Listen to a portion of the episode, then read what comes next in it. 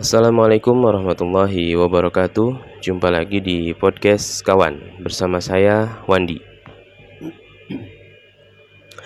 Hari ini saya akan coba bacakan cerita hijrah, kisah pengalaman hijrah tepatnya dari teman yang uh, sebenarnya sudah saya anggap sebagai kakak. Uh, kakak karena beliau secara usia lebih tua dari saya dan uh, secara angkatan di uh, kerjaan dulu itu memang kami satu angkatan. Nah, daripada panjang lebar, uh, kita coba bacakan kisahnya.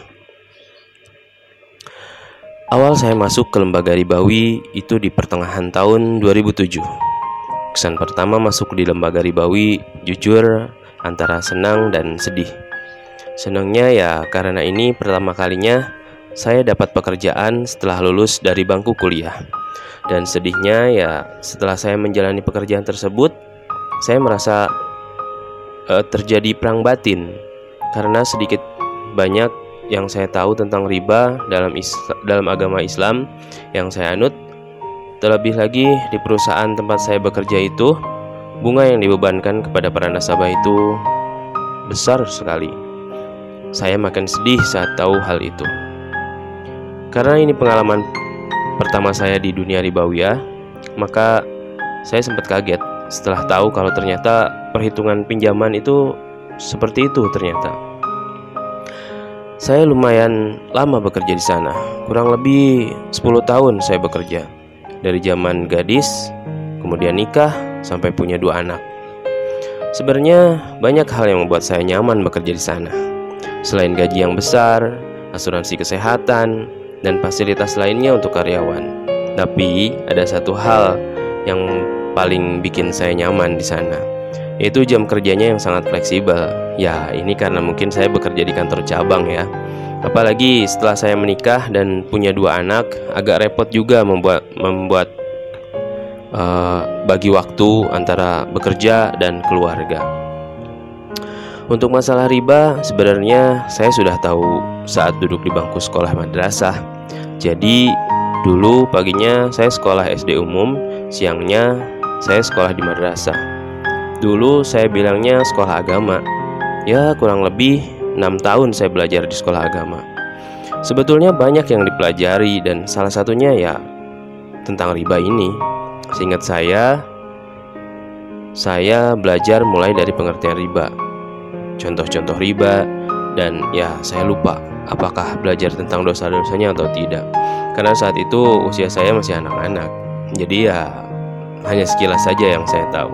Sampai akhirnya SMP, SMA, kuliah, dan banyak ngobrol juga sama teman-teman, keluarga, baca buku, dengar ceramah ustadz juga, dan ya, ceramah langsung ataupun dari media sosial atau media-media elektronik lainnya. Jadi semakin banyak tahu tentang riba. Dan akhirnya muncullah niatan untuk berhenti bekerja karena takut setelah tahu banyak tentang riba itu sendiri. Tapi di sisi lain, saya dihadapkan dengan dilema. Karena kalau saya berhenti dari pekerjaan yang sudah kurang lebih 10 tahun saya geluti, saya akan ke mana? Secara saat itu suami saya juga masih belum jelas pekerjaannya. Belum ada penghasilan tetap untuk menghidupi keluarga kami, menghidupi keluarga kami maksudnya. Dan untuk tabungan pun ya kami sama sekali tidak punya saat itu.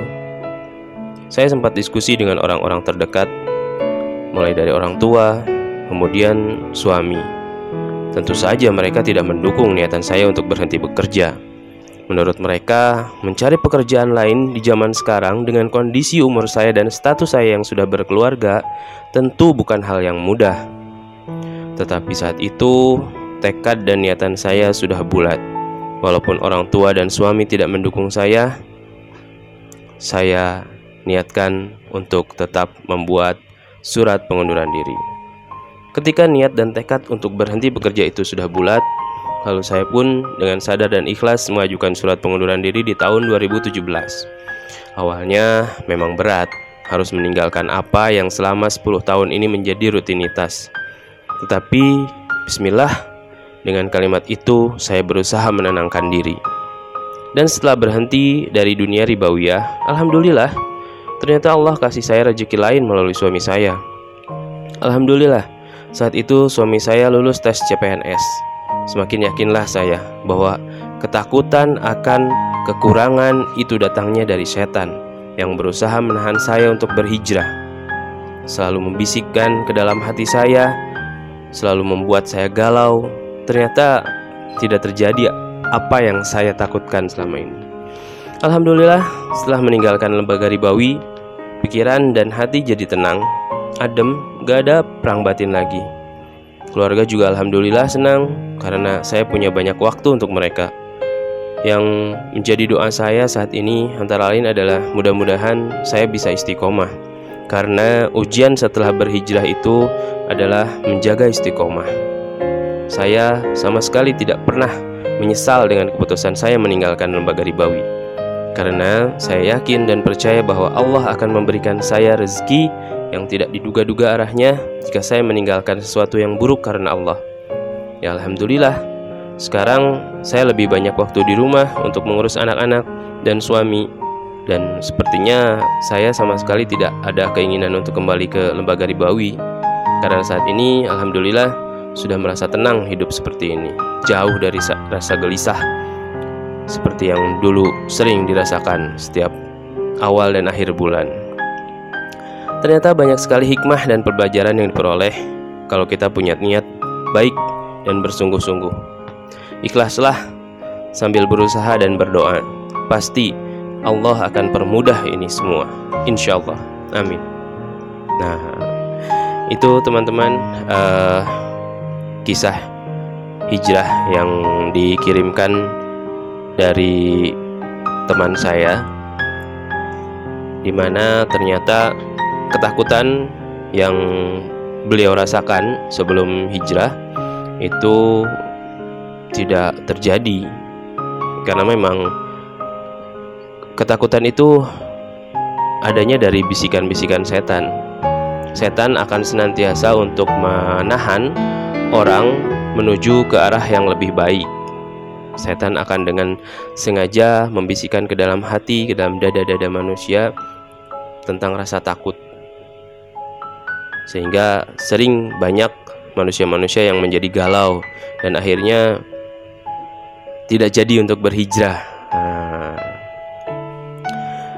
Uh, kali ini itu saja dari kisah hijrah.